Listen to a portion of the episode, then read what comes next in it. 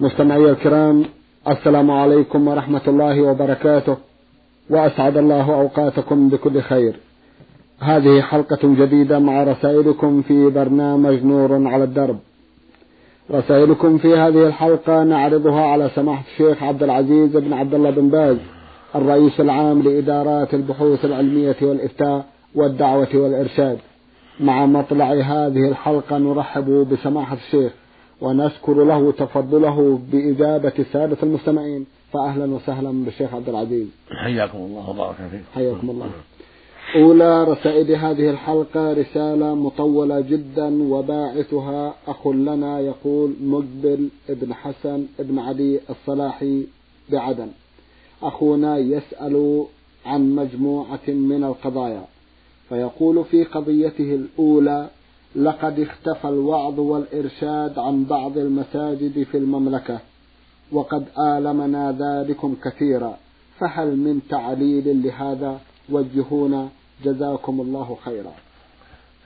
بسم الله الرحمن الرحيم. الحمد لله وصلى الله وسلم على رسول الله وعلى آله وأصحابه ومن اهتدى بهدى أما بعد فلا ريب أن الوعظ والإرشاد من أهم المهمات والمسلمون في أشد الحاجة إلى ذلك بل وغير المسلمين في أشد الحاجة إلى ذلك ولكن بسبب قلة الدعاة واشتغال الناس في أمور أخرى من التدريس والشؤون الإدارية وغير ذلك قد يتأخر الداعية عن المسجد وقتا طويلا لكثرة المساجد وقلة الدعاة. هذا هو السبب. وإني أنصح جميع المدرسين المتأهلين من أهل العلم من خريج كلية الشريعة وكلية أصول الدين أنصحهم جميعا أن يتقوا الله وأن يشاركوا في الدعوة وأن يشاركوا في الوعظ والتذكير في المساجد حتى يسدوا الخلل والنقص الذي يحصل من الدعاة. فالدعاة بالنسبة إلى كثرة المساجد قليلون. وإن كنا نتطلب دعاة حتى يتعينوا عندنا ونريد ذلك ونحرص على ذلك لكن ليس كل ما يريد الإنسان يحصل له لأن إخواننا المتخرجين كثير منهم يرغب أن يكون مدرسا أو في عمل إداري لأنه أسهل عليه من الدعوة. فالمساجد كثيرة والدعاة قليلون فلهذا قد يتأخر مجيء الداعية إلى المسجد كما ذكر السائل. وإن كانوا بحمد الله يمرون على المساجد ويقومون بالدعوة في غالب المساجد لكن قد يتأخروا بعضهم عن بعض المساجد وقد تكون بعض المساجد في أطراف البلد فلا يأتيها الداعية إلا في أوقات متفاوتة. ولكني مثل ما تقدم أنصح إخواني المدرسين وأهل العلم من القضاة وغيرهم أنصحهم جميعا أن يتقوا الله وأن يشاركوا في الدعوة إلى الله ووعظ الناس وتذكيرهم والإجابة عن أسئلتهم لأن هذا واجب الجميع وحق على الجميع. نسأل الله أن يوفق الجميع. اللهم آمين. المتطوع للدعوة إلى الله سماحة الشيخ. هل من شروط تشترط؟ نعم. إذا كان متخرجا من كلية الشريعة أو كلية أصول الدين أو كلية الحديث في الجامعة الإسلامية أو كلية القرآن فهذا يعطى البطاقة أو شهد له بعض أهل العلم بأنه صالح لذلك ممن درس على المشايخ وصارت له دربة في الوعظ والتذكير ويصلح الفتوى يعطى أيضا بطاقة بذلك. ومن لا يشهد له بهذا لا يعطى البطاقة مثل خريج كلية اللغة أو كلية العلوم الاجتماعية أو كليات الطب أو ما أشبه ذلك لا يعطون لأنهم ليسوا أهلا لهذا المقام. في الغالب نعم. في الغالب. إذا لا بد من هذه البطاقة سمحت. لا بد من هذه البطاقة بالنسبة إلينا. أما بالنسبة إلى ما يقوم به من الدعوة في جماعته أو في من يسمح له بذلك من إخوانه هذا مسموح له فيه وجزاه الله خيرا. لكن من حيث الرئاسة العامة التي أنا عليها نعم. لا نستطيع أن نعطي إنسانا بطاقة على أن يقوم بالدعوة إلا إذا كان قد تأهل لها فيما نعتقد من جهة تخرج من كلية الشريعة أو كلية أصول الدين أو في حكمهما أو وجود شهادة بيده من أهل العلم تشهد له بأنه أهل للدعوة وأهل للفتوى نعم نعم لكن المدرسون في الغالب المدرسون نعم. والقضاة في الغالب هؤلاء عندهم ما يعينهم على ذلك ويمكنهم من ذلك. لأنهم مدرسون من خريج كلية الشريعة وكلية أصول الدين ومن العلماء المعروفين يستطيعون أن يقوموا بالدعوة وإن كان معهم بطاقة. وإذا أرادوا بطاقة أعطيناهم بطاقة. لكن العالم المشهور ما يحتاج بطاقة في مملكة لكن لو أراد بالطاقة أعطيناه. بارك بالنسبة إلى بعض المساجد التي قد تجهل. نعم نعم. آه، من لم يكن من هذا البلد سماحة الشيخ ويريد أن يدعو إلى الله يستغل وجوده في هذه البلاد فيدعو إلى الله. كيف يكون التعليمات تمنع التعليمات تمنع من ذلك. التعليمات التي من جهة الدولة نعم. تمنع أن يعطى بطاقة إلا إذا كان يحمل الشهادة يحمل الجنسية السعودية أيوة. نعم. بارك الله فيكم. لقد ظهرت الصحوة الإسلامية. السؤال لأخينا مقبل بن حسن يقول لقد ظهرت الصحوة الإسلامية المحمدية بحمد الله تعالى في هذه الآونة الأخيرة رغم كثرة الملحدين والمنافقين وأعداء السنة من الدجالين والخرافيين والصوفة والصوفية والحزبيين. والسؤال ما هي الوقاية من هذه الفرق الضالة وخطرها؟ ثانيا ماذا يجب على الآباء نحو أبنائهم وزوجاتهم؟ أولا الواجب على الدعاة في هذه الصلاة المباركة واليقظة المباركة الواجب عليهم دائما دائما الأخذ بالحكمة والرفق وألا يجابه الناس بالعنف حتى لا يكثر أعداؤهم وخصومهم. الواجب أن يكون أن تكون الدعوة بالرفق والحكمة والأسلوب الحسن والحرص على تجنب الاستلام بالناس مهما أمكن. لأن الرسول صلى الله عليه وسلم أوصى بالرفق والله يقول في كتابه الكريم ادع إلى سبيل الله بالحكمة والموعظة الحسنة وجادلهم بالتي أحسن. قال سبحانه ولا تجادلوا أهل الكتاب إلا بالتي هي أحسن إلا الذين ظلموا منهم. وقال عليه الصلاة والسلام لمن يحرم الرفق يحرم الخير كله. وقال عليه الصلاة والسلام إن الرفق لا يكون شيء إلا زانة ولا ينزع من شيء إلا شأنة. والله يقول سبحانه فبما رحمة من الله لنت لهم ولو كنت فظا غليظ القلب انفضوا من حولك. فعلى الدعاة يلزم الحلم والصبر والتحمل ولو آذاهم من آذاهم. وأن يحرصوا على بذل العلم وتوجيه الناس إلى الخير وعلى من هداه الله أن يتحمل ولا يكون عنيفا مع والده ولا مع إخوته ولا ولا مع أخواته بل يكون بالحلم والرفق في توجيههم إلى الخير وتعليمهم وإرشادهم ونصيحتهم حتى يقبل منه وحتى لا ينفروا منه وحتى لا يتسلط عليه أقاربه عليه بالحلم والرفق في دعوته وفي نصيحته وفي جهاده في المنكر حتى يكون ذلك أقرب إلى الامتثال والاستفادة من منه في حق أهله وجيرانه وأصحابه. والواجب على أبيه وعلى أمه وعلى إخوته أن يعينوا على الخير وأن يرفقوا به وإذا رأوا منه شدة وصلفا نصحوه ووجهوه بالتي أحسن حتى يهدى وحتى يكون على الطريق السوي في دعوته ونصيحته وتوجيهه غيره فالمقصود التعاون بين الجميع التعاون على البر والتقوى. فإذا اشتد هو نصحوه بالرفق والحكمة ولا يزيدونه في شدته عنفا بل ينصحونه ويوجهونه ويرفقون به ولا يقاطعونه. وهو كذلك عليه أن يرفق ويعتني بإخوانه حتى لا يكون منه ما ينفرهم منه. يأتي بالأساليب الطيبة واللينة والعبارات الحسنة ويدعو لهم بالتوفيق والخير. هكذا يكون لطيفا في دعوته. نعم. حسنا الكلام طيب الأسلوب وعلى والديه أن يعينوه وألا ينفروا منه وألا يثبطوه وهكذا إخوته هكذا أعمامه هكذا جيرانه. إذا رأوا من شدة لينوه. وحثوا على الرفق لكن لا لا يمنعوه من الدعوة ولا يشددوا عليه. ولا ينفروه ولا يتركوه بل يساعدونه على الخير. هكذا يجب التعاون. طيب. لأن الله سبحانه يقول وتعاونوا على البر والتقوى. ويقول سبحانه والعصر إن الإنسان لفي خسر إلا الذين آمنوا وعملوا الصالحات وتواصوا بالحق وتواصوا بالصبر. والقاعدة أن الإنسان إذا أسلم بعد كفره فليكن عند شدة.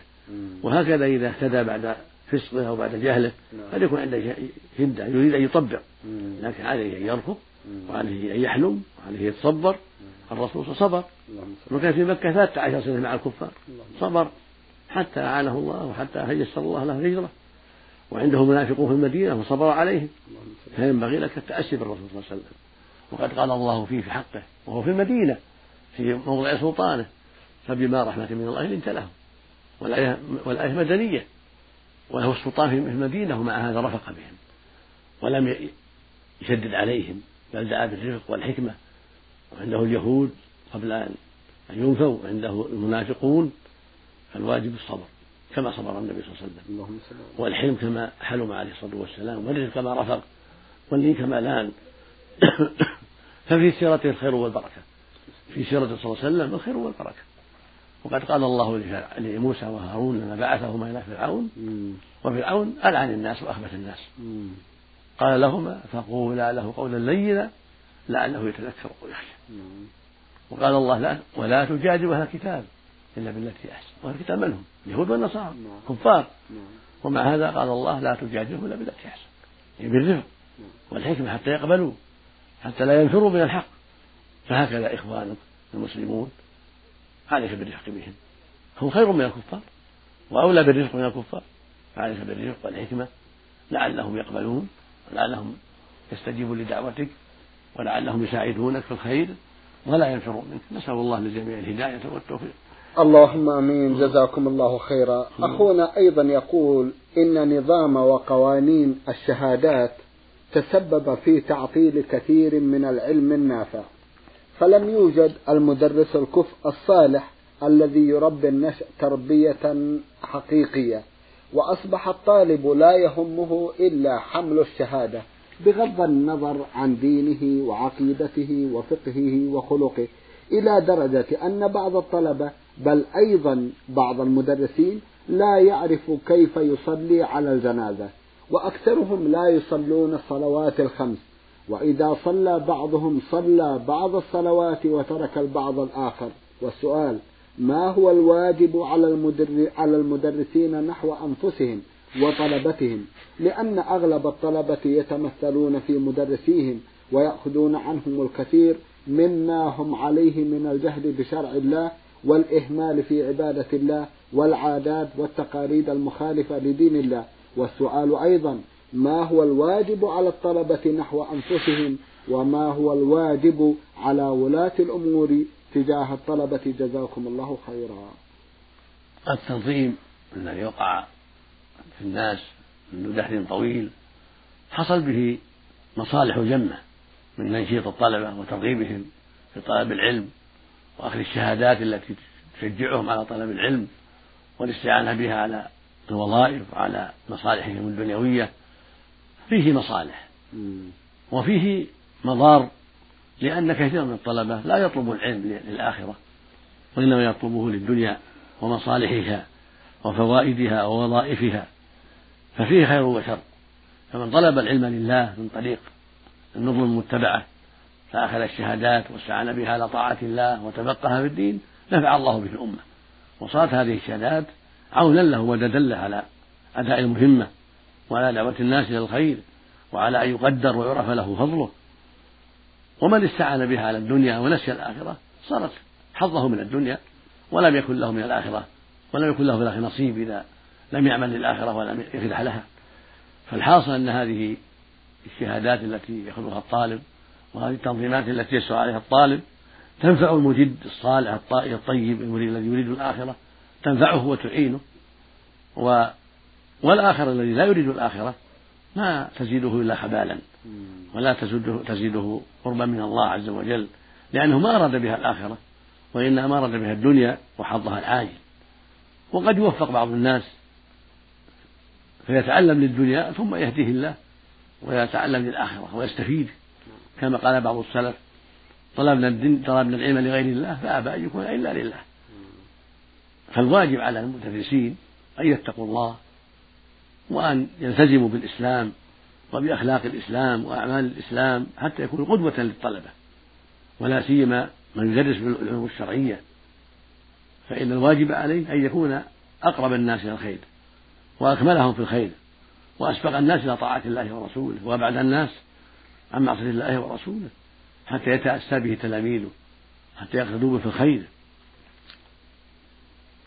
والواجب على الأستاذ أيضا أن يكون حريصا على تفقيه الطلبة وتشجيعهم على الخير وترغيبهم فيه وأن يحثهم على طاعة الله ورسوله ويحذرهم من معصية الله ورسوله ويحثهم على بالتأسي بالرسول صلى الله عليه وسلم وبأصحابه الكرام وبأهل الخير وأن يحذرهم من التأسي بأهل الشر.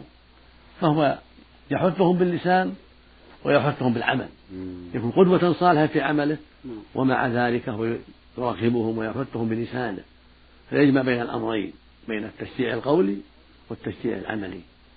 فيرون من أعماله وسيرته ما يسرهم وما يعينهم على طاعة الله ورسوله ويسمعون منه في الدرس وفي غير الدرس من الكلام الطيب والتوجيه الصالح والأمر بالمعروف والنهي عن المنكر ما يسرهم ويعينهم على طاعة الله ورسوله.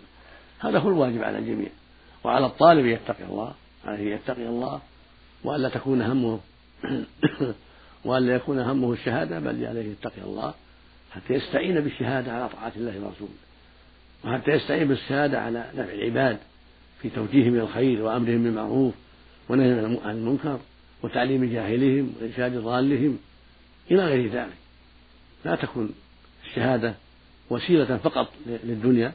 لا بل أن يستعملها في أمر الدين والدنيا. يستعين بها على طاعة الله وينتفع بها في الوظيفة التي يوظف بسببها حتى ينتفع في دنياه وأخراه فهذه الدور العلمية من معاهد ومدارس وجامعات أنشئت للعلم نعم. في بلاد المسلمين وتعليم الناس ولتوجيه الناس إلى الخير فعلى القائمين عليها أن ينصحوا لله ولعباده وأن يجتهدوا في توجيه الناس إلى الخير وإرشادهم إليه وعلى الطالب أن يتقي الله وأن يجتهد في طلب العلم النافع وأن يجتهد أيضا في سؤال أهل العلم والاستفادة من آرائهم وأن يكون متواضعا.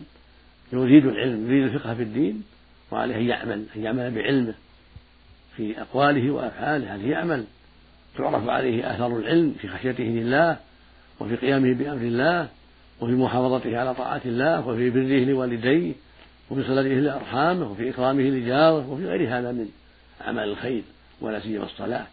في المحافظة عليها والمسارعة إليها في الجماعة والخشوع فيها هكذا يكون الطالب. الصالح المجد وعلى المدرس أن يعتني بالطلبة ويوجههم وأن يكون قدوة صالحة كما تقدم له في الخير كله. ونسأل الله للجميع الهداية والتوفيق. اللهم آمين. نفع الله بكم. شيخ عبد العزيز السؤال الأخير لأخينا في هذه الحلقة يقول فيه ما هو السبيل للحد من الفتن الكثيرة؟ نعم. السؤال الأخير لأخينا في هذه الحلقة يقول ما هو السبيل للحد من الفتن الكثيرة المنتشرة ويمثل لها بعدة أمثلة شيخ عبد العزيز؟ مثل منها منها. الغناء مثلا. ومنها الفيديو. ومنها الألعاب. وغير ذلك. على طالب العلم أن يتقي الله وعلى المسلم أن يتقي الله وعلى المسلم أن تتقي الله. وأن تبتعد عن أسباب أن يبتعد كل منهم عن أسباب الهلكة. لا من جهة الأغاني فإنها تصد عن سبيل الله وتصد عن ذكر الله وتقسي القلوب.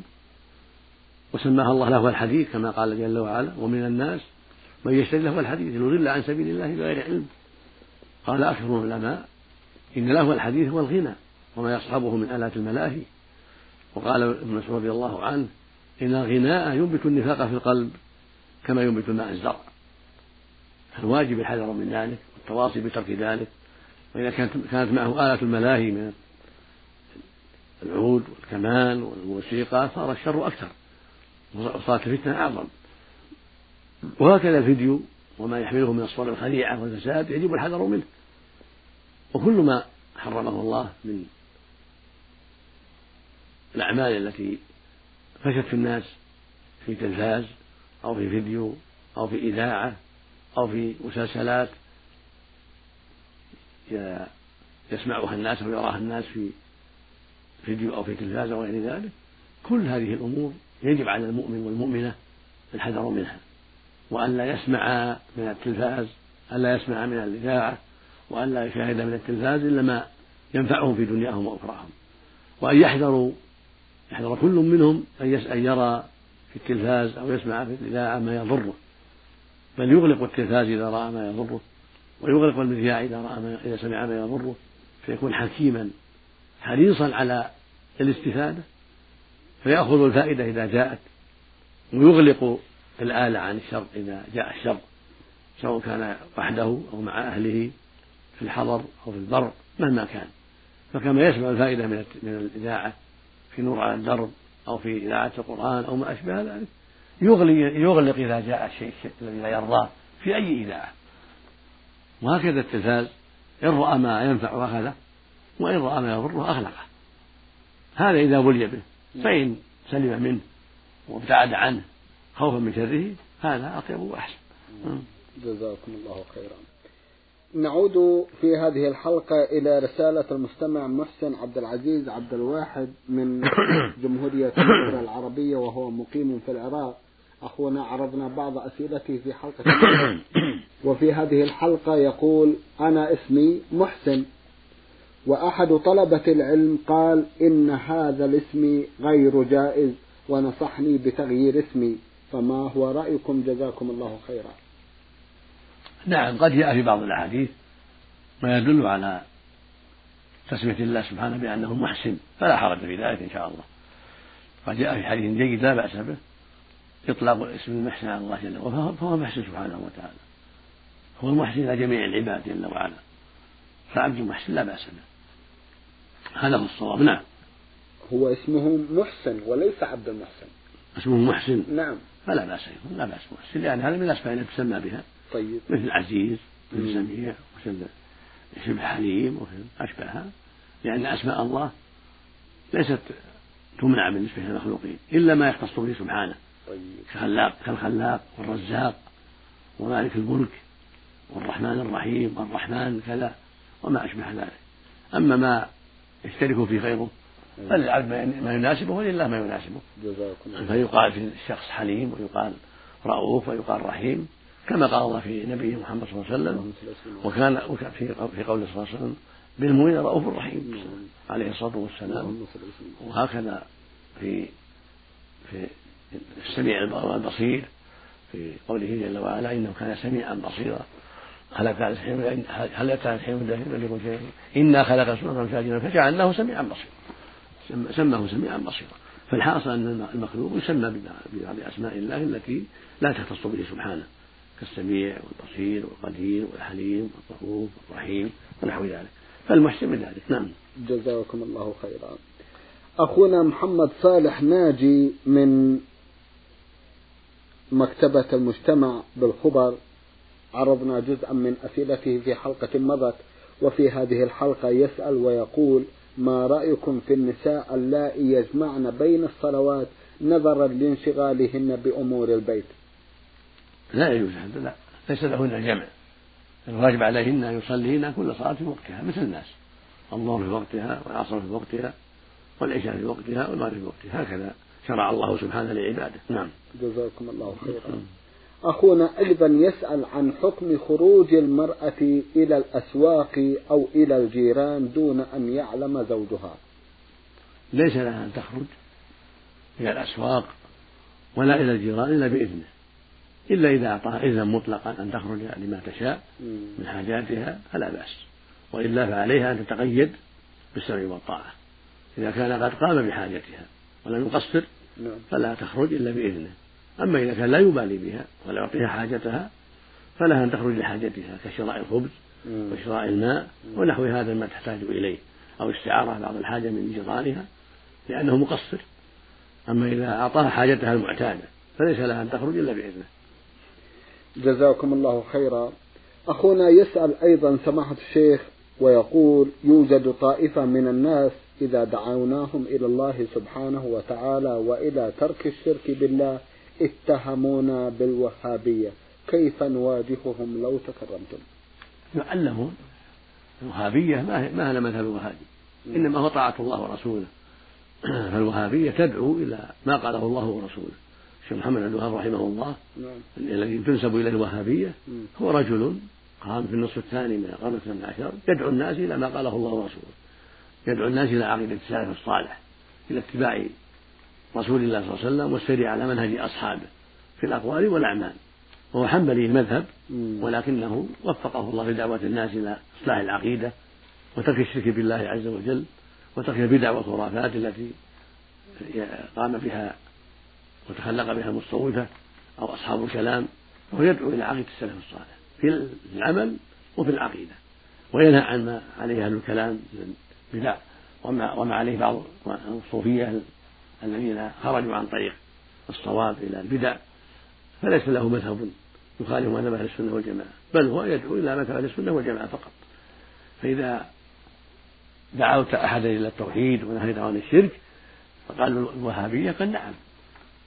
أنا وهابي وأنا محمد أدعوكم إلى طاعة الله وشرعه أدعوكم إلى توحيد الله. طيب. فإذا كان من دعا إلى توحيد الله وهابي فأنا وهابي. وإذا كان من دعا إلى توحيد الله ناصبي فأنا ناصبي وإذا كان من دعا إلى توحيد الله شيعي فأنا شيعي المهم الدعوة إلى ما كان عليه رسول الله وأصحابه والترغيب الذي ينفر به الناس عن الدعوة لا قيمة له. الواجب على المؤمن أن يتقي الله وأن يستقيم على أمر الله. ولو قال الناس له ما قال ولو قالوا منافق ولو قالوا وهابي ولو قالوا شيعي ولو قالوا كذا. إذا عرف أنه يدعو إلى توحيد الله وإلى طاعة الله ورسوله كما قال الله ورسوله فلا يضره المشاغبون والمنفرون بالألقاب التي يخترعونها له. كما أن الرسول صلى الله عليه وسلم قال له الكفار صابئ وقالوا له مجنون قالوا له شاعر قالوا كاهن وقالوا ساحر ما ضره ذلك. نعم. استمر في دعوته إلى الله وعلم الناس توحيد الله ولا يبالي بقولهم له إنك ساحر أو كاهن أو ما أشبه ذلك. فهكذا أتباع الحق. لا يضرهم إذا قيل لهم وهابي أو قيل لهم كذا أو قيل لهم كذا أو قيل مشدد. أو قيل منفر أو قيل متطرف أو متعمق أو كذا أو كذا يلقبون حتى ينفروا نعم. منه الناس. لا لا يضرهم هذا. عليه يصبر وعليه يوضح للناس الحق وأنه ليس عنده شيء يخالف شرع الله المطهر الذي جاء به محمد عليه الصلاة والسلام. فالوهابية هم هذا. الوهابية دعاة إلى توحيد الله وإلى طاعة الله ورسوله. وليس لهم مذهب جديد. إنما هم دعاة إلى توحيد الله وإلى اتباع رسوله محمد صلى الله عليه وسلم. وهم في الفقه في الغالب على مذهب الحنابلة. إلا إذا إذا وجدوا شيئا في المذهب الحنبلي يخالف الأرجح من من أقوال العلماء لوجود الدليل الذي يؤيد ما قاله الآخرون أخذوا بالدليل. طيب. نعم. بارك الله فيكم. سماحة الشيخ في الختام أتوجه لكم بالشكر الجزيل بعد شكر الله سبحانه وتعالى. على تفضلكم بإجابة السادة المستمعين وآمل أن يتجدد اللقاء وأنتم على خير. نرجو ذلك نرجو مستمعي الكرام كان لقاؤنا في هذه الحلقة مع سماحة الشيخ عبد العزيز بن عبد الله بن باز الرئيس العام لإدارات البحوث العلمية والإفتاء والدعوة والإرشاد. شكرا لمتابعتكم مستمعي الكرام وسلام الله عليكم ورحمته وبركاته.